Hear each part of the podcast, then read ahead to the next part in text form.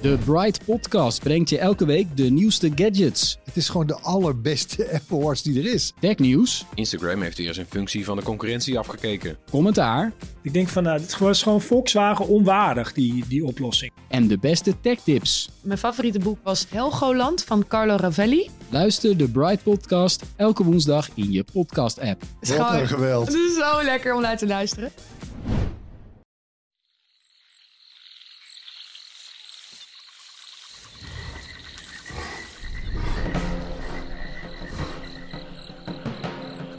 Oh, ik heb dit best gemist. Het is, het is fijn om even terug te zijn tussen seizoen 1 en 2 in. Met een extra aflevering van DinoCast. Want we riepen jullie aan het eind van, van iedere aflevering op om vragen te stellen. En dat hebben we geweten. We kregen zoveel Dino-vragen binnen dat we dachten... we maken een speciale Q&A-aflevering... waarin Maarten en ik samen met natuurlijk Anne... op zoek gaan naar de antwoorden op de belangrijkste vragen.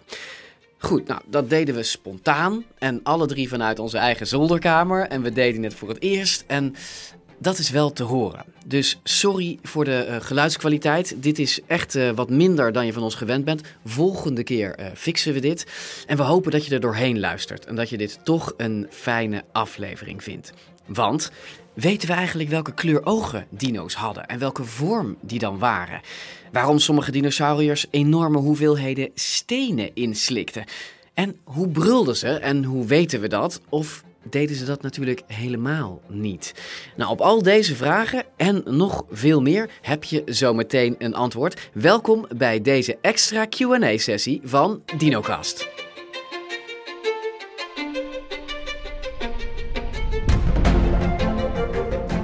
We nemen je mee naar miljoenen jaren geleden, toen de aarde trilde onder de voeten van Triceratops, Stegosaurus, grote langnekken, Tyrannosaurus rex.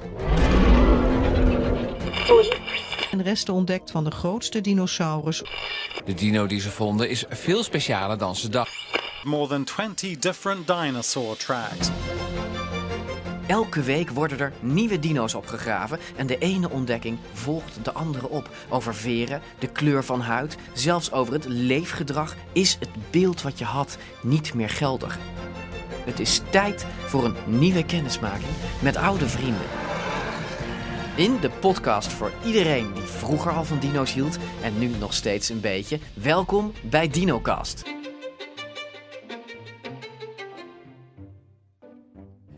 Ja, stel je voor, eh, Maarten, Anne en ikzelf loggen ieder in voor een videogesprek vanuit onze studeerkamers. Dus lekker veel rommel, stapels boeken op de achtergrond. Nee, het is een zootje.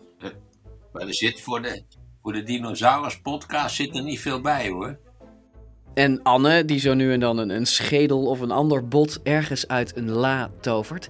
En voordat we aan de dino-vragen beginnen, verbazen we ons even over het aantal downloads van deze podcast. Dat inmiddels gaat richting de kwart miljoen. Nou, we hadden natuurlijk gehoopt dat er iemand zou luisteren, maar zoveel? dino's hebben wel een magie. eh, dus ik vind het niet, niet, niet heel raar, maar dit is toch best wel wild. Nou ja, kijk, de dino's, dat is een gezinsproject meestal. Dat we zeggen, de kinderen vinden het vaak even leuk als, als nou, ik denk meestal dan de vader. Tot nu toe heb ik heel weinig typische vrouwen dino-liefhebbers ontmoet. Die zijn er waarschijnlijk ook wel. Maar Ja, dus hoor. je, je kunt er als heel gezin mee, mee aan de slag. Ik denk dat dat ook wel een rol speelt. Ja, en onze vragen van vandaag die komen ook van mannen en vrouwen, ouderen en zelfs kinderen. Je zult het zo eh, horen. De jongste vragensteller is 7 jaar en die stelt een prima vraag. Maar we beginnen met een andere van museumbezoeker Sikko. Ja, Sikko staat in een museum bij een levensgrote replica van een stegosaurus. En heel raar, hij moest ineens aan ons denken. Hallo Gijs en Maarten, Sikko hier vanuit Berkenhof Tropical Zoo nabij Goes. Ik sta hier in een museum, oog in oog met een stegosaurus die iemand heeft besloten blauwe ogen te geven. En ik vraag me ineens af, welke kleur ogen hadden dinosaurussen eigenlijk en hoe zagen die eruit? Was dat meer zoals reptielen of meer als vogels of als zoogdieren? Daar moet toch iets over bekend zijn. Help mij eens even. Ja, weten we daar iets van, Anne? Van de, de ogen van. Kijk, Stegosaurus is één, maar de ogen van dino's in het algemeen. Wat, wat weten we? Want die, die fossiliseren natuurlijk niet. Kun je er dan toch iets over zeggen? Heel klein beetje. Want als we iets over dino's willen zeggen, kijken we naar de afstammelingen, de vogels, en naar die andere tak, de krokodillen. Dus daar zetten we ze een beetje tussen klem. Maar ehm, waar je verder naar kunt kijken, dat zijn uh, wat we dan noemen de um, sclerotic ring. Uh, dat zijn de hele kleine ja, plaatjes die in de oog uh, ja, rondom, rondom de lens zitten. Die geven wat extra stevigheid. Hm. En die vertellen ons dus iets over ja, de, de afmetingen en de kromming. En, en daarmee dus ook de hoeveelheid licht die zo'n lens kan, kan, kan pakken. Dus dat is iets waar wel wat van teruggevonden wordt. Dus we weten iets over de afmetingen van de ogen. Maar dan ja, de kleur. Um, wat blijft er van de kleur over? Daar zit misschien iets van een paar pigmentmoleculen in. Maar ja, dat is, dat is, dat is iets wat heel snel verteert. Daar blijft niks van over. Dus ik, um, de vraag kwam, kwam, kwam eerder voorbij. Ik ben er nog wel eens ingedoken. Maar uh, nee, soms, uh, soms is het deurtje gewoon dicht en, ja. en, en, kun je daar niks over zeggen. Sommige dingen blijven voorlopig nog verborgen. Maar goed, wie weet wat er de komende jaren nog ontdekt wordt. We gaan door met een vraag over dino-brullen.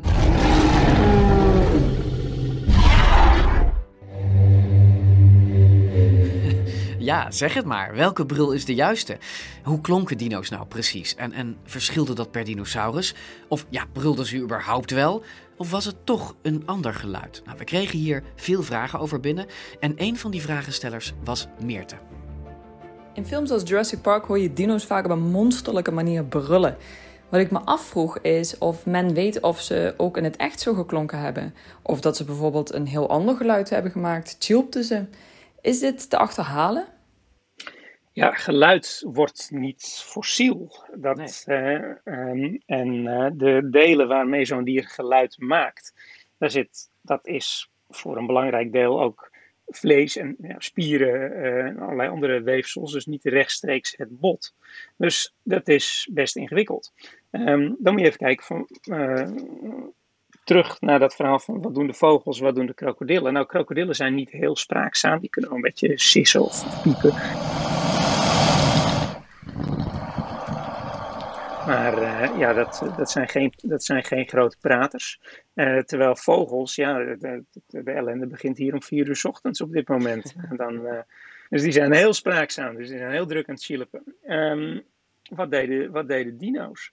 Er zijn een paar dinosaurussen waar daar iets meer over, over bekend is, of in ieder geval waar wat meer ideeën over zijn. Het bekende voorbeeld is Parasaurolophus, dat is die dinosaurus met die hele grote kam op zijn kop. En die kam die is verbonden met de luchtwegen. Nou, je kunt zo'n kam namaken. Die kam is hol, er zit een kronkel in. Maar dan heb je eigenlijk nog maar één component van de twee onderdelen die, eh, waar je het over hebt, namelijk de resonantiekamer. Mm-hmm. En uh, dus als je een beetje gaat toeteren en blazen in een, in een buis, dan krijg je daar misschien een staande golf in of een resonantie, of dat gaat zich versterken, of je krijgt wat boventonen die een, een duwtje krijgen. Maar dat is maar de ene helft. De andere helft van het verhaal is van, hoe maken ze die geluiden? Met, met, met een, wat zitten daar dan verder voor trillende dingen in de keel? Uh, die, uh, die het gechilp, het gekoer, het gebrul, het gesis doen. En hoe galmt dat dan verder in die, in die pijp? Dus uh, nee, er is heel weinig echt over te zeggen. Nou, Anne is terecht heel voorzichtig.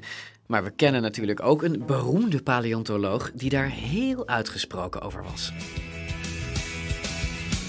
And it was Ernst Mulbrad who first hypothesized that the velociraptor, when threatened, would expand its collar and emit a high pitched noise to frighten off its predator. Yes, Mr. Lewis? What kind of noise? Just a high pitched, intimidating noise. But, like, how? Well, we, we don't know for sure. But in my head, it, it sounded something like this. Uh...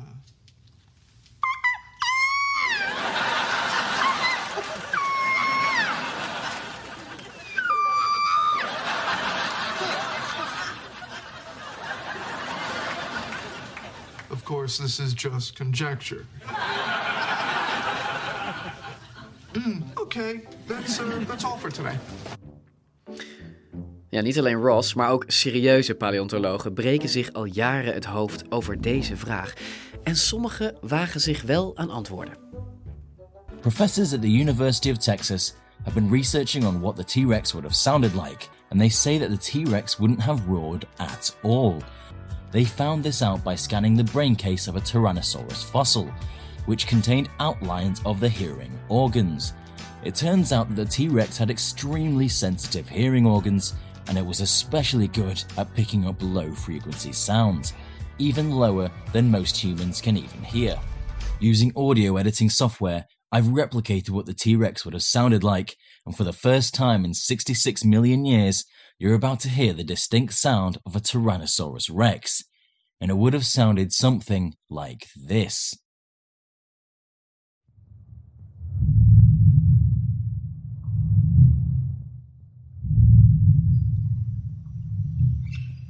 The T Rex wouldn't have the need to open its mouth thanks to closed mouth vocalization. Ja, een bijzonder nieuw geluid, toch? Maar wacht even, hè? terwijl wij dinosauriërs altijd met wijd opengesperde bekken afbeelden, is dat misschien dus helemaal niet de waarheid. Denkt ook Maarten als hij kijkt naar het gedrag van dino's die nu nog leven, namelijk vogels. Vogels die kunnen namelijk iets wat wij helemaal niet kunnen. Die kunnen namelijk enorm veel geluid maken zonder hun mond open te doen. In het geval van de vogels de snavel. En daar werd het koeren van de duiven, waar ik vaak nogal last van heb. Hier, die beesten die koeren de godganse dag. Eh, misschien dat de dinosauriërs wel konden koeren. En dat vond ik natuurlijk een leuk idee, dat dat achterlijke gebrul van de, de Tyrannosaurus rex, dat die in werkelijkheid eigenlijk koerde als een duif. Dat, dat leek mij enorm aardig om dat, te- om dat te realiseren. dat, zou echt, dat zou echt imago veranderend zijn. Ja, daarom, Ja. daarom Ik vond ben, het ook ik, ben, leuk. ik ben helemaal voor. Ja, ik, ik, ik geef toe dat er geen enkel argument is om dat ook te bewijzen, maar het, het is in ieder geval een suggestie. Maar waar komt, waar komt ons idee van brullen dan vandaan? Komt dat, van, komt dat gewoon van de geschiedenis? Van, van dat wij denken, leeuwen, monsters, die brullen, dus Ja. zullen dino's ook wel brullen? Dat, is dat het? Want ik ken, zijn er brullende reptielen? Zou dat niet gewoon uit Hollywood komen, dat brullen? De brul van de dino komt eh, rechtstreeks uit Hollywood. Ja, dat lijkt mij ook. En niet, niet uit de oertijd of uit. Het is gewoon fijn dat enge beesten brullen. Dat, dat doen alle enge beesten die brullen. Terwijl de meeste hele enge beesten helemaal niet brullen natuurlijk. Maar goed, brullen hoort erbij. Ja, ergens wel jammer. Hè? Je hoopt op een, op een prachtige geschiedenis, waarbij mensen vanaf de middeleeuwen verhalen over brullende wezens aan elkaar hadden doorverteld. Gewoon Hollywood dus. Volgende vraag.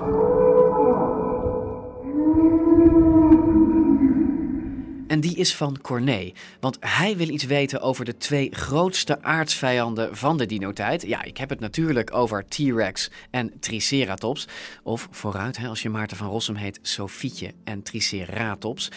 Wie van de twee was sneller en hoe weten we dat? Hallo Gijs, in veel dino-boeken las ik dat Triceratops een opvallend snelle loper was. Anne denkt daar heel anders over. Waarop was deze aanname gebaseerd en hoe is deze eigenlijk ontkracht? Wie was er nu eigenlijk sneller, Triceratops of T-Rex? Ja, eh, hoe, hoe, wat weten we over de snelheid van dinosaurussen? Nou, je kunt kijken naar de, naar de afstand tussen de pootafdruk. Daar kun je allemaal leuke sommetjes aan doen. En dan kun je toch een beetje terugrekenen hoe, eh, hoe hard die beesten gelopen hebben. En eh, nou, dan is het eerste probleem dat we juist van, van, van Triceratops en vergelijkbare dino's verbazend weinig sporen hebben eigenlijk. Van vleesetende dino's, van langnek-dino's hebben we heel erg veel. Van, eh, van plantenetende dino's. Ik heb er hier toevallig nog eentje op het bureau liggen. Zo, wat is dat? Planten... Dit, dit is een, ehm, dit is de met zand opgevulde pootafdruk van een, ehm, een zo'n kleine drieteen plantenetende dino eh, uit het, eh, uit het krijt. Voor de luisteraars, ik denk dat Anna houdt nu een blok omhoog, eh, zo groot als zijn hoofd. dat noemt hij een kleine drie, een driepoot. eh, Ja, de kleine dino, ja. Dus, eh, nou, dat is, dan één, dat is dan één poot, maar ik leg hem weer even weg, zo. Wat je nodig hebt, is natuurlijk een heel spoor. Uh, waar je de afstand kunt opmeten. Nou, die zijn vreselijk zeldzaam. En die triceratopsen die zaten het grootste deel van de tijd kennelijk ook in een omgeving waar die sporen niet zo goed bewaard zijn gebleven. Dus we weten daar niet zoveel van als wat we van de langnekken en van de vleesetende dino's uh, weten. Ze zijn echt vreselijk zeldzaam. Maar je kunt er ook op een andere manier naar, aan, aan denken. Want hoe snel moet je kunnen lopen? Um, wil je uh, blijven bestaan? Nou, dat is dat je in de meeste gevallen of uh, sneller bent dan T-Rex of zodanig uh, verdedigt dat je er geen last van hebt. Dus je bedoelt eigenlijk vanuit, vanuit dat standpunt beredeneerd. Je kan het ook beredeneren. En dat is eigenlijk heel logisch. Dat, ik merk dat Maarten dat ook heel vaak doet. Die, die kijkt gewoon naar de situatie. Die heeft natuurlijk niet de kennis van de fossielen, maar wel de kennis van de situatie. En dan zou je inderdaad, is het heel logisch te zeggen. Als die beesten allemaal voortdurend konden worden ingehaald door T-Rex, dan hadden ze waarschijnlijk niet, niet miljoenen jaren bestaan. Ik wil nog wel iets weten. Want uh, als je naar grote predatoren kijkt uh, die nu nog bestaan dan zijn er heel verschillende jachtmethoden. Je hebt predatoren die in principe alleen jagen, panthers bijvoorbeeld. Maar heel veel van de katten jagen in gezelschap. En leeuwen bijvoorbeeld, je weet de mannetjes doen helemaal geen reet, die liggen gewoon te pitten. Maar de vrouwtjes jagen gezamenlijk en zijn er hartstikke goed in. Dat we zeggen, ze hebben de strategie. Dus mijn vraag is eigenlijk, is het mogelijk dat bijvoorbeeld die T-Rex of andere grote predatoren dat die gezamenlijk jagen. Want dat maakt natuurlijk een, verschil van, van hemel en aarde. Denk aan wolven. Wolven zijn hele handige gezamenlijke jagers. Dus die sturen een afdeling uit en die snijdt dan het, het, het prooidier af. En nou ja, dat je echt denkt van nou, die beestjes hebben er verrekt goed over nagedacht hoe dit aangepakt moet worden, dit probleem. Ja, daar is een, uh, vrij recent een uh, mooi artikel over verschenen uh, met een van die super zeldzame Tyrannosaurus sporen. In dit geval de, meerdere sporen naast elkaar. Dus een aanwijzing voor dat ze in ieder geval een deel van de tijd in, samen rond scharrelden. Um, dus ja, er zijn meerdere aanwijzingen voor, voor kuddegedrag bij vleesetende dino's. Ja, we gaan naar de vraag van Marco. En Marco houdt van woordspelingen. Hallo Maarten en Gijs, ik heb hier een vraag die mij wat zwaar op de maag ligt. Ik heb eens gelezen dat onder andere Stegosaurus stenen zou inslikken om daarmee zijn voedsel beter te kunnen vermalen. Kunnen jullie misschien daar iets meer over vertellen? Dankjewel. Dat zou uit een vondst moeten kunnen worden afgeleid. Dan moet ze een steen in een kluitje bij elkaar zijn gevonden. Maar dan moet je wel een vrij compleet skelet hebben gevonden om dat te kunnen zeggen. En dan Nou, weet je nog niet of dat kluitje stenen daadwerkelijk gebruikt is om, het, om de voedselvermaling te helpen. Nou ja, of weten ze dat wel, Anne? Nou ja, dat weten ze wel. Ehm, ze hebben ook een naam. Het zijn eh, gastrolieten, hè? Nou ja, gastronomie. En eh, eh, de- de- het zijn de maagsteentjes. Ehm, en die worden bij verschillende dinosaurussoorten inderdaad op de plek gevonden waar je het zou verwachten bij maagstenen. Dat zijn steentjes die ook behoorlijk zijn eh, afgerond. Vaak ook echt aangevreten door het eh, maagzuur, goed versleten. De vraag is natuurlijk, wat doen ze daarmee en waarom eten ze die steentjes op? Ehm, we zien het ook eh, nu bij sommige dinosaurussen nog, eh, kippen die steentjes eten. En ehm, het, het idee is dat het zou kunnen helpen bij het fijnmalen van al dat eh, harde plantaardige voedsel. Dat het helpt bij de spijsvertering. Ja, op die manier hoef je je voedsel dus niet helemaal kapot te kauwen in je bek of in je mond, hè, zoals wij doen. Het gebeurt gewoon in je maag, door die stenen. Case closed? Nou, niet helemaal, want er klopt toch iets niet. Om planten fijn te malen in je maag heb je namelijk een behoorlijke dosis van die maalsteentjes nodig. Nou, veel dinosauriërs hadden er ook genoeg van in hun maag, maar niet alle dino's hadden er zoveel. Not all dinosaurs seem to have used gastroliths. That same study also examined supposed gastrolith piles in the remains of several sauropod dinosaurs, the long necked, long tailed titans of the dinosaur world. In those cases, even though there were clearly stones in their guts, the stones weren't abraded like true gastroliths, and the piles were too small to have done much plant grinding. It might be that these dinosaurs swallowed small rocks by accident while vacuuming up as much vegetation as they could, or maybe they were eating rocks dietary supplements. Dietary supplements. Voedzame stenen dus? Anne legt uit. Wat ook nog zou kunnen, is dat ze een rol hebben bij de mineraalhuishouding. Want zeker bij zo'n enorm grote dinosaurus heb je verschrikkelijk veel vooral calcium nodig en, nog een aantal andere stoffen om die, om, om, die mineralen van al die botten te maken. Dus ehm, dan kan het ook helpen om voor je extra kalk ehm, wat extra steentjes naar binnen te werken. Ja, stenen dus als, als voedselbron hè, voor kalk en andere mineralen. Hartstikke gezond. Misschien ook meteen een goed alternatief voor. Kip, het meest veelzijdige stukje vlees. Kip. Oké, dat was flauw. We gaan snel naar een nieuwe vraag van Sid. Een hele originele, want deze is eigenlijk speciaal voor Maarten en mij. Hoi, het viel me op dat jullie nooit lidwoorden gebruiken als het over dinosauriërs gaat. Dus uh, geen de, het of één ervoor. Dat wil Stegosaurus niet. Of wat weten we echt van Triceratops? En ik vroeg me af wat het verhaal daarachter is. Nou, is dat een vraag die de Gijs gaat beantwoorden? Gaat de Maarten net beantwoorden? Of is dat meer iets voor de Anne? Ik heb hem wel gezien. Ik had er eerlijk gezegd niet zo over nagedacht. En ja, in zulke gevallen moet je altijd naar een parallel zoeken. Zeggen wij bijvoorbeeld wel de olifant. De olifant doet dit en de olifant doet dat. en zeggen we niet de, de, Tyrannosaurus rex doet dit of doet dat. Of het Tyrannosaurus. Nou ja. En dat, ja, ik, moet zeggen, de vragensteller heeft wel een punt. Dat ik dat me niet gerealiseerd had. En zodra je iets van iets wordt beschuldigd wat je je niet had gerealiseerd, betekent dat dat je ook niet direct een goede verklaring aan boord hebt natuurlijk, waarom je zo erover gepraat hebt. Ik heb er natuurlijk ook over na zitten denken, want ik dacht, verrek, die Sid die heeft gewoon gelijk. En ik denk, uh, en dat is helemaal niet goed, dus ik geef hier bij deze Sid, uh, geef ik toe dat ik, uh, dat ik denk ik fout zit. Maar ik ben natuurlijk heel verhalend bezig met die dino's. Um, dat is mijn rol in de podcast en ik maak die natuurlijk ook. En in mijn voice-overs heb ik het de hele tijd over Tyrannosaurus komt uit de bosjes. Triceratops valt aan. Um, en dat komt omdat ik ze als karakters beschrijf. En uh, in alle eerlijkheid denk ik dat het bij mij daar een beetje mee te maken heeft. Ja, dat is natuurlijk eigenlijk niet goed. Maar de echte oplossing is, denk ik, uh, ligt denk ik bij Anne. Vertel.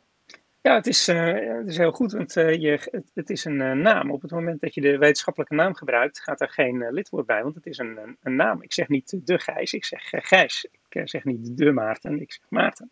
Um, maar het is toch gewoon een soort? Ja, het is de soortnaam. Het is, uh, die wetenschappelijke namen gaan, uh, gaan zonder, uh, zonder lidwoord. Op het moment dat je ja, het meer als een categorie, dus een olifant of de olifant daar of de olifant daar, dan doen we er in het, gewoon in het Nederlands een, een, lidwoord bij. Maar dan zeggen we ook gewoon olifant en dan schrijven we het niet precies. Maar op het moment dat het een naam is, een echt een wetenschappelijke naam, dan is het, uh, dan is het goede gewoonte om die te, ook nog te cursiveren. In, althans, zo gaat dat in de wetenschappelijke ja. literatuur. En dan, uh, dan doen we geen, uh, geen lidwoorden. Dan is het de naam. We zeggen natuurlijk ook Homo sapiens doet zus en Homo ja, het is sapiens niet de homo. En we zeggen niet de homo sapiens doet zus of zo. Ja. Nou, ik, ik, ik, ik heb toch een beetje het gevoel uh, dat Anne ons hier een beetje redt. Want uh, heel eerlijk zag je dat Maarten en ik geen enkel idee hadden. We gaan snel door naar de volgende. Uh, ja, Anne, nou, niet, ik had mezelf niet als soort gezien, moet ik zeggen. nee, ik ook niet. Anne vindt ons blijkbaar aparte soorten. Daar kunnen we ook maar beter snel aan voorbij gaan. We gaan door naar Joelle. En die heeft ook een vraag. Daar komt ze. Wat ik mij eens afvroeg is: um, hoe oud werd een dinosaurus gemiddeld? Verschilde het per soort? Um, is dit te onderzoeken? En hoe onderzoek je zoiets als zoiets te onderzoeken valt? Nou, duidelijke vraag. Dat is, dit is te onderzoeken, hè, Anne? Absoluut. En uh, degene die daar uh, in Nederland heel druk mee bezig is, is uh, Jimmy de Roy. En die is natuurlijk in de podcast al voorbij gekomen. Um, maar uh, de hele korte samenvatting, en dat, is, en dat blijkt bij heel veel verschillende dinosaurussen uh, goed te werken. Zeker als ze ook nog een beetje noordelijk leefden met goede seizoenswisseling. Dan kun je er gewoon groeilandjes uithalen. Groeilandjes net zoals in, in, in, bomen. Dus je pakt een bot, je zaagt het door, je maakt er een slijpplaatje van, zodat je een dun laagje bot hebt dat je onder de microscoop kunt, kunt bekijken. Of je boort er een gaatje in met een kleine boorkern eruit, slijpt het door en je kunt groeilijntjes stellen. En dus is de vraag die, die zij ook had, is, um, weten we van sommige soorten hoe oud ze ongeveer werden? Kun je een paar voorbeelden noemen van wat we wel weten? Ja, we weten bijvoorbeeld dat veel van die grote vleesetende dinosaurussen, die beginnen rustig aan met groeien. Nou zouden ze 5, 6, 7, 8, nou, dan gaat opeens die groeicurve als een malle de lucht in. Dan zijn ze 10 of 15 en dan hebben ze zo'n beetje, dan vlakt het weer af. Dan hebben ze hun volwassen grootte alweer zo'n beetje bereikt. Um, die hele grote langnekdino's, uh, daar, daar is de 40 jaar of verder uh, probleemloos, komt probleemloos uh, in zicht. Um, ja, dat kleinere spul, dat, dat gaat allemaal wat korter, wat sneller. Maar is hetzelfde patroon als bij zoogdieren dus. Ja hoor, groot spul wordt oud. Want, want bij ons heb je natuurlijk ook, en bij de mens heb je ook zo'n groeispurt. Hè? Ja. Denk aan de puberteit. Eerst zien ze er heel normaal uit en kunnen ze zich ook min of meer normaal gedragen. En dan binnen twee, drie jaar is het, is het totaal veranderd natuurlijk. Ja. Want daar hebben we het nog over gehad, Gijs, over die, die dinosaurus in die film van jou waar je zo dol op bent, Jurassic Park dat jij er nooit over na had gedacht dat het 30 jaar duurt voordat dat beest volwassen is. Precies. Ze tonen allemaal van die mega grote dino's. En ik heb er nooit aan gedacht, maar die dieren moeten dus al, al 30, 40 jaar hebben bestaan. Minimaal. Ja, het hele project moet al een halve eeuw oud zijn geweest. Zonder dat het uitlekte. Ja, ondertussen heeft Anne een boek uit zijn kast gevist dat vol staat met groeigrafieken van dinosauriërs. Bijvoorbeeld van langnekdino Apatosaurus. En als je die goed bekijkt, dan zijn de cijfers verbijsterend. Ja, kijk, kijk er, dat zijn dus van een aantal dino's hebben we dus allemaal van dit soort prachtige grafiekjes. Hier hebben we Apatosaurus. Nou, je ziet in de vijf, eerst, dat blijft eerst heel klein. En daar komt die groeispurt tussen 5 en 10. Gaat het als een malle omhoog. En uh, nou, hier zitten we op, uh, op wat is het, 25.000 kilo als, uh, als 15 jaar zijn. 25.000 kilo, hè? ja, dus ja. het staat hier als, als in de, de, de pubergroeispurt, dan komt er, komt er 5466 kilo per jaar bij. Jongen, dus, jongen, jongen. Ja, dus dat is 15, 15 kilo per dag. 15, 15 kilo per dag aankomen. En hadden ze ook dan ongeveer de levensspannen van, van, laten we zeggen, zoogdieren die in het wild leven? Dus een jaar of 40, 50 of zo? Als ze heel groot waren? Ja, dat is uh, bij sommige hele grote. Kijk, uh, die, die groeilijntjesstudie, dat, uh, dat, dat is iets wat pas in de laatste decennia echt een beetje van de grond is gekomen. Op de een of andere manier waren de museumconservatoren werden nooit zo enthousiast als je met een slijptol op, op die grote dinobotten afkwam. Heel raar. Heel merkwaardig is dat. En nou, gelukkig hebben de collega's, dat hebben dus de collega's in Bonn en, um, en ook um, uh, Koen Stijn, die nu, die nu in Brussel zit, die hebben daar een fijne techniek voor verfijnd. om, om daar met een soort appelboordje met heel weinig schade toch zo'n heel bot te bemonsteren. Nou, dat is, met diezelfde techniek is Jimmy nu ook aan de slag met, met de Triceratops botten. Dus ja, maar... ja, we leren er steeds, steeds meer over. Nu. Ja, Maarten en ik gaan in seizoen 2 gaan we naar Brussel. Gaan we praten met Koen Stijn. Um, en dit zal zeker ook uh, ter sprake komen. Ik hoop dat hij ons wat van die, is, wat van die doorsneden kan laten zien. hij is Mr. Dino Groeilijn. Dus nou, Maarten, we kunnen, we, kunnen ons, uh, we kunnen onze uh, hart ophalen. En Joelle dus met ons. Joelle, in, in, seizoen 2 gaan we hier uitgebreid op, op door. Ja, en dan komen we op de vraag. Wat was dat? Van een van onze jonge luisteraars, Eden van 7, wil graag iets weten over Spinosaurus en een ander dier. Luister goed, want het is een korte vraag. Waarom heeft de Spinosaurus en de Dromaeosaurus een rugvin? Ja, Anne Maarten. Ik heb hier mijn allereerste uh, dinosaurusje staat hier op de plank. Het is ook geen dinosaurusje, dat weet ik. Anne gaat hem anders heel nijdig aankijken. Kijk, dit is uh, Dimetrodon. Ja, Eden heeft het dus niet alleen over Spinosaurus, maar ook over Dimetrodon. En ik hoor jullie gewoon denken, wat is dat? Is dat een dinosaurus? When you think about life before the dinosaurs, if anything comes to your mind at all, chances are the one animal that you think of is Dimetrodon. Ja, precies. Dimetrodon is dus geen dinosaurus. Simpel gezegd is hij eerder een voorouder van ons, de zoogdieren, dan van de dino's. Ook al lijkt hij op een grote hagedis. Dimetrodon leefde in het Perm tijdperk. Nou, dat is bijna 300 miljoen jaar geleden. Ruim voor de dinosauriërs dus. En de aarde bestond toen deels uit een, uit een dampige moeraswereld. Met geschubde bomen en reusachtige paardenstaarten. En stel je aan de drassige waterkant een, een soort reuzenkrokodil voor. Hè? Buik op de grond, poten naast zijn lichaam, hè, zoals alle krokodillen hebben, en een lange staart. Wel iets dikker en een dikkere kop. Maar het kenmerk van de Dimetrodon was een reusachtig rugzeil, wat wel een dikke meter de lucht instak. En dat zeil dat groeide dus recht omhoog vanuit zijn ruggengraat. En tot op de dag van vandaag is er dus discussie over waar die hele stellage voor is. Nou, speciaal voor Eden, er staat een leuk kinderliedje met cartoons online over Dimetrodon.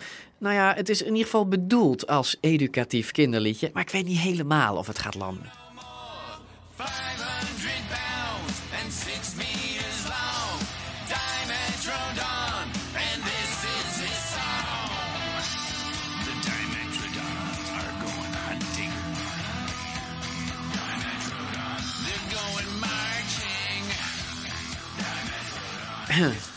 ja, nou, wel origineel, eh, toch? Maar goed, waar is dat gigantische rugzeil nou voor? Nou, er zijn ook weinig andere dieren met zo'n zeil. Maar er is één dinosaurus die precies zo'n constructie op zijn rug heeft. Alleen leefde die dus zo'n 200 miljoen jaar later. En is hij ook veel bekender, precies. Spinosaurus, een van de sterren uit Jurassic Park. Nou, het leuke is dat bij de, de rug van, eh, van Spinosaurus. Eh, er is heel veel leven in de brouwerij nu rondom eh, Spinosaurus. Hè? Want eh, we zeggen altijd dinosaurussen waren landdieren. Nou, er zijn nu ook een paar dino's die, die toch misschien wel in het water een beetje naar hun zin hadden.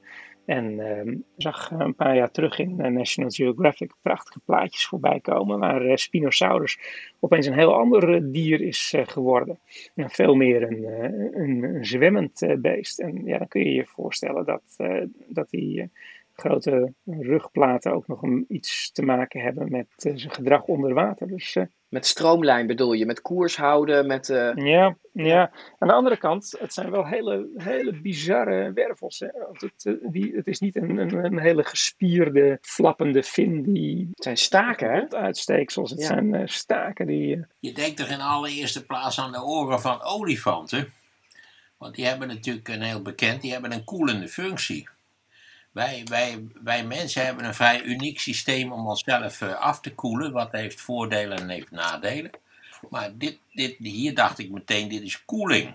Hij, hij leeft in warme streken, hij doet kennelijk van alles en nog wat. En dit is de manier om af te koelen. Net zo goed als je die Afrikaanse olifanten, die zie je regelmatig enorm met die oren flapperen. Ja. Als ze het warm hebben, Nou, of, kennelijk. of Maarten, andersom hè. Hij kan natuurlijk ook eh, hiermee opwarmen, s ochtends. Als hij koudbloedig zou zijn, dan zouden, zou, zou deze flappen natuurlijk hier kunnen bloedvaatjes doorheen hebben gelopen. Is dat nog een optie, Anne, of niet? Zeker, dat is, eh, dat is, het, eh, dat is het scenario. Of, Het is gewoon een airco-systeem. Je kunt een airco-systeem, daar kun je mee warmen. En je kunt een radiator, je kunt er hitte mee dumpen en eh, je kunt er mee, mee oppakken. Oké, dat zeil dat zou dus kunnen functioneren net zoals we eerder bespraken in DinoCast, hè, bij Stegosaurus, als een, als een soort radiator. Handig voor Dimetrodon, hè, die waarschijnlijk koudbloedig was, dan kon hij dus sneller opwarmen. Maar gaan we dan even bijna 200 miljoen jaar verder naar, naar Spinosaurus, ja, is het dan ook logisch? Die was waarschijnlijk warmbloedig en, vraagt Anne zich af, ja, was zo'n zeil dan wel nodig? Je met Spinosaurus zit je een, een stuk verder bij de, bij, de, bij de vleesetende dino's. En het idee daar is eh, wel dat je met, met warmbloedige dieren te maken hebt. Ze hebben ze zeker niet allemaal nodig gehad, want je ziet niet dat alle vleesetende dino's opeens van die grote flappen hebben. Dus het is niet zo dat ze eh, niet konden functioneren zonder eh, radiator.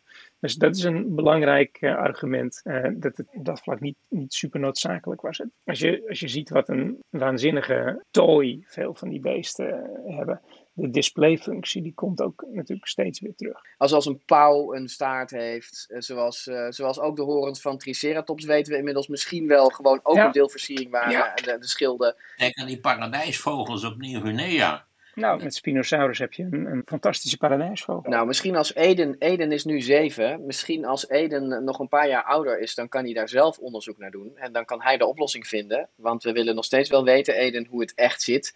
Je hebt nu een, eh, een beginnetje van Anne gekregen. Het is aan jou om dit onderzoek later voort te zetten. Nou, we eindigen deze aflevering met twee wat obscuurdere vragen. En dat bedoel ik zeker niet met disrespect naar de vragenstellers, Metan en eh, Frans. Metan stelt namelijk oprecht een interessante vraag over een Stegosaurus beeld. Beste Gijs, Maarten en Anne. De eerste aflevering over de Stegosaurus deed me denken aan de afbeelding van een Stegosaurus die gevonden is in een boeddhistische tempel in Angkor, in Cambodja. Gebouwd in de 12e eeuw. Hoe verklaren jullie dat de mensen uit die tijd zo'n accurate afbeelding van een Stegosaurus konden creëren? Hoe verklaren jullie überhaupt dat veel oude culturen over grote groene monsters en draken spreken? En dat terwijl mensen volgens de wetenschap nooit met dino's hebben geleefd? Ja, al duizenden jaren vertellen mensen elkaar verhalen over draken en andere mythische wezens. Hoe komen ze daarbij? vraagt Metan zich dus af. Leefde er, niet, niet miljoenen, maar slechts honderden jaren geleden, in afgelegen delen van de wereld, niet ergens nog dinosauriërs? Dat zou die verhalen natuurlijk verklaren. Als voorbeeld komt hij met de Stegosaurus van Angkor Wat. Take a look at the following images. This is the Ta Prohm Temple in Angkor Wat, Cambodia. It was built in the 12th century AD. Now, the Ta Prohm Temple is home to a controversial anomaly of archaeology and paleontology. Ja, op dinocast.nl hebben we een afbeelding staan, dus kijk vooral even mee. En daarop zie je een, een Cambodjaanse tempel met daarin op een pilaar de uitgehakte afbeelding van een dier. The third carved relief from the bottom. Is that really a Stegosaurus? Its picture appears quite frequently on websites devoted to cryptozoology, alternative history, and in some cases, young Earth creationism. It's considered proof that humans and dinosaurs coexisted. After all, people would have had to have carved that, and to carve it, they would have to know what a Stegosaurus looked like. Ja, voor de duidelijkheid, het lijkt op een stegosaurus, maar het is het niet. Echt niet. Die dieren die zijn helaas, maar overduidelijk bewezen, al miljoenen jaren dood. Maar hoe komen mensen dan aan die draken en aan die mythische wezens? Als antwoord pakt Anne een boek van zijn bureau. Voor je boekenlijst. The First Fossil Hunters van Adrian Mayer. En eh, als er eh, één boek is om eh, dat je met stip op, op je aanbevelingenlijst mag zetten, is het dit. Adrian Mayer is folklorist en die heeft eh, ja, eigenlijk al die oude verhalen over mythische monsters eh, op een rij gezet. En gekeken in hoeverre die inderdaad terug te voeren zijn op interpretaties van, eh, van fossielen. En eh, voor, een aantal, eh, voor een aantal beesten maakt ze een heel overtuigende vergelijking. Het is ook niet zo raar. Ik bedoel, ieder- iedereen die wel eens een dier eet, weet dat er binnenin een dier botten zitten. Ehm, en iedereen weet hoe de botten eruit zien. En dan, eh, dan, dan ben je ergens op stap en dan zie je dat er eh, nog meer botten liggen. Hele grote botten die je tegenkomt. En eh, ja, dan, dan 1 en 1 is 2. Ik bedoel, de first fossil hunters die zagen ook wel dat dat botten waren. En dat waren hele grote botten. Dus nou, dan komen de meest waanzinnige beesten. Kijk, je ziet ze hier al op de, op de omslag staan. Daar, daar, wordt een, een mythisch monster te grazen genomen. Want als ze groot en eng zijn, dan moet je er ook direct met pijlen doorheen. Dit is, uit- dit is Grieks schilderwerk volgens mij. Ja, van alles. Grieks, maar ik heb hier, een, eh, ik heb hier zo'n vroege ceratopsiër. En eh, kijk, daar komt de griffioen eh, vandaan. Die beesten die kruimen natuurlijk in Mongolië overal langs de zijderoute naar buiten. Maar hij zegt natuurlijk expres groene monsters.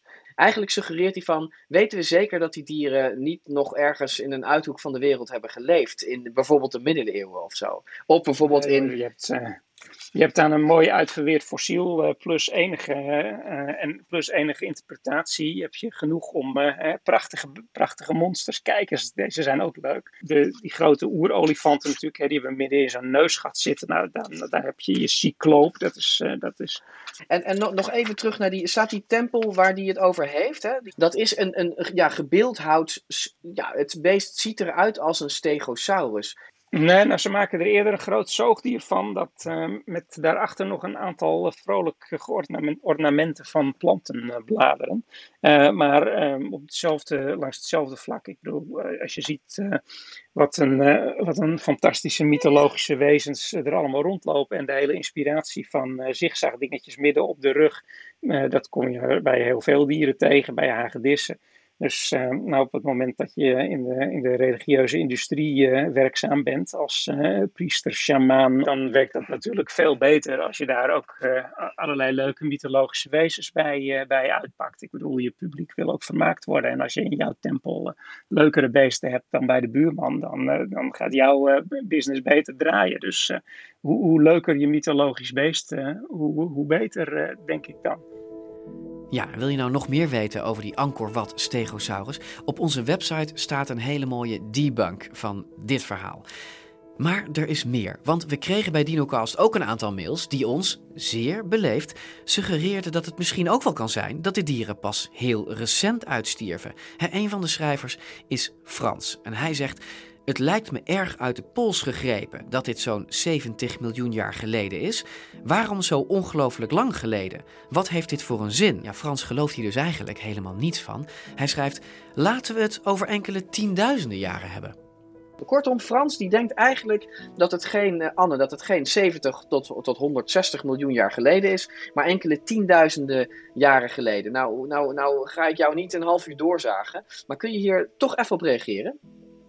Ja, het, uh, nou, het is niet. Uh, het, leuke is dat we het niet over ongeveer 70 miljoen hebben, maar dat we inmiddels uh, de techniek en de, de analyse-technieken zo ver gevorderd zijn dat we nog veel nauwkeuriger een datum op fossielen kunnen plakken.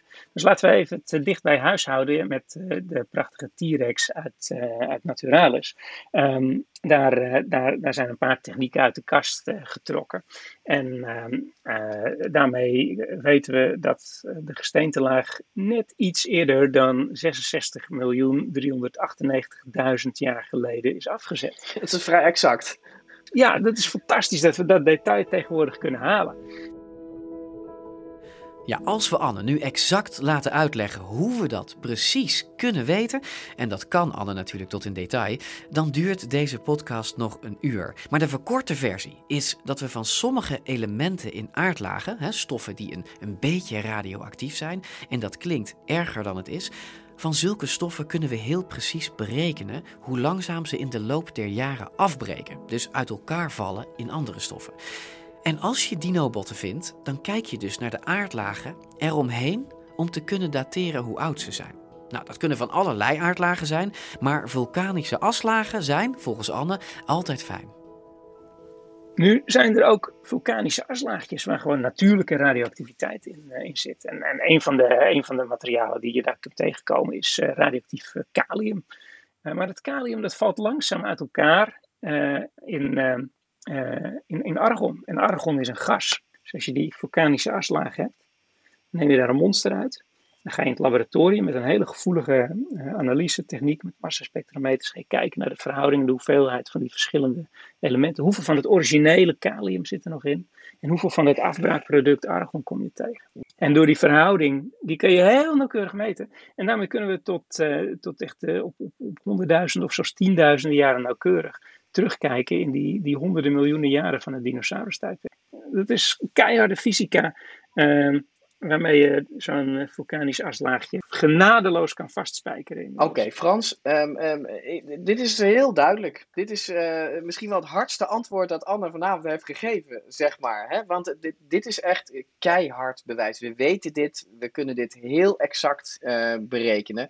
Uh, Maarten, mag ik jou nog één ding vragen? Uh, wat, wat denk jij nou van dit soort, um, van dit soort ideeën? Dat, dat, hè, dat, dat er zeg maar ontkend wordt dat dino's uh, miljoenen jaren geleden geleefd hebben. Hoe kijk jij daarnaar?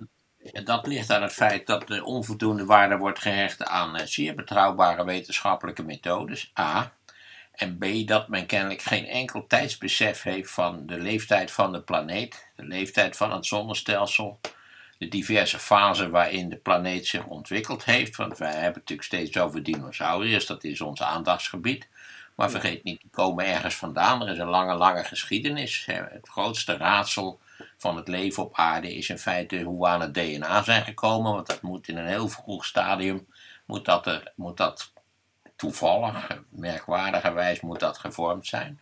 Maar hij zou er verstandig aan doen om een leuk boekje te lezen. Het zijn hele leuke boekjes waarin je de, de planeet zo ongeveer 4,5 miljard jaar oud. Om dat eens even na te lezen hoe dat zich ontwikkeld heeft. En eh, alle leven is relatief recent, als je dat zo wil noemen. Maar dan denk je aan astronomische tijd. Ja. Misschien zou die ook er verstandig aan doen. Ik doe dat met enige regelmaat niet waar om eh, het relativeren op peil te houden. Er is een prachtige website, die is, heet ezahubble.org. En die heeft eh 100 topplaatjes en daar zijn een hele reeks van die, van die sterren, van die sterrenstelsels bij waar je echt, doe s'avonds je bureaulamp uit. En dan moet je erbij lezen hoe, waar dat ding staat. En dan zie je in het algemeen dat de foto dateert van een fase van dat sterrenstelsel toen er hier de dinosaurussen rondliepen. En daar kun je heel gedetailleerde foto's van maken. Die dingen zijn 60 miljoen li- lichtjaren verwijderd van ons. Kortom, hij moet zich enigszins verdiepen in, in, in tijdschalen die totaal anders zijn dan, dan de tijdschaal waarop wij denken en leven. Ik heb ooit op de, op de lagere school van mijn kleinkinderen had ik een les en die heette de tijdschaal. Maar het is, eh, het is ondoenlijk om aan kinderen uit te leggen wat, wat dat is, die tijdschaal. Dan moet je stap voor stap moet je daar in je leven achter komen. Maar laat de, de kritische vragen stellen vooral beseffen dat er helemaal geen twijfel bestaat aan de wetenschappelijke meetmethodes eh, die Anne heeft uitgelegd. Ja, en daarmee sluiten we deze extra aflevering af. Dank aan Anne en Maarten. Dank ook aan alle vragen die werden ingestuurd. En hoorde je je vraag nou niet terug? Nou, dan behandelen we hem vast in seizoen 2, waar we al druk mee bezig zijn. Ja, en we eindigen onze aflevering met een laatste oproep. Hè. We zijn, zoals je denk ik weet, hè, misschien word je er al gek van, sorry. We zijn in de race voor die Podcast Award. En we hopen zo dat je op ons gaat stemmen. Doe het nu. Het kost je nog geen minuut van je tijd. En dat kan je doen door naar podcastawards.nl te gaan. En daar zie je ons vanzelf staan in de categorie tech en wetenschap. Nou, alvast heel erg bedankt, ook namens Maarten en Anne. En tot snel, tot in seizoen 2. Dit was DinoCast. Doeg!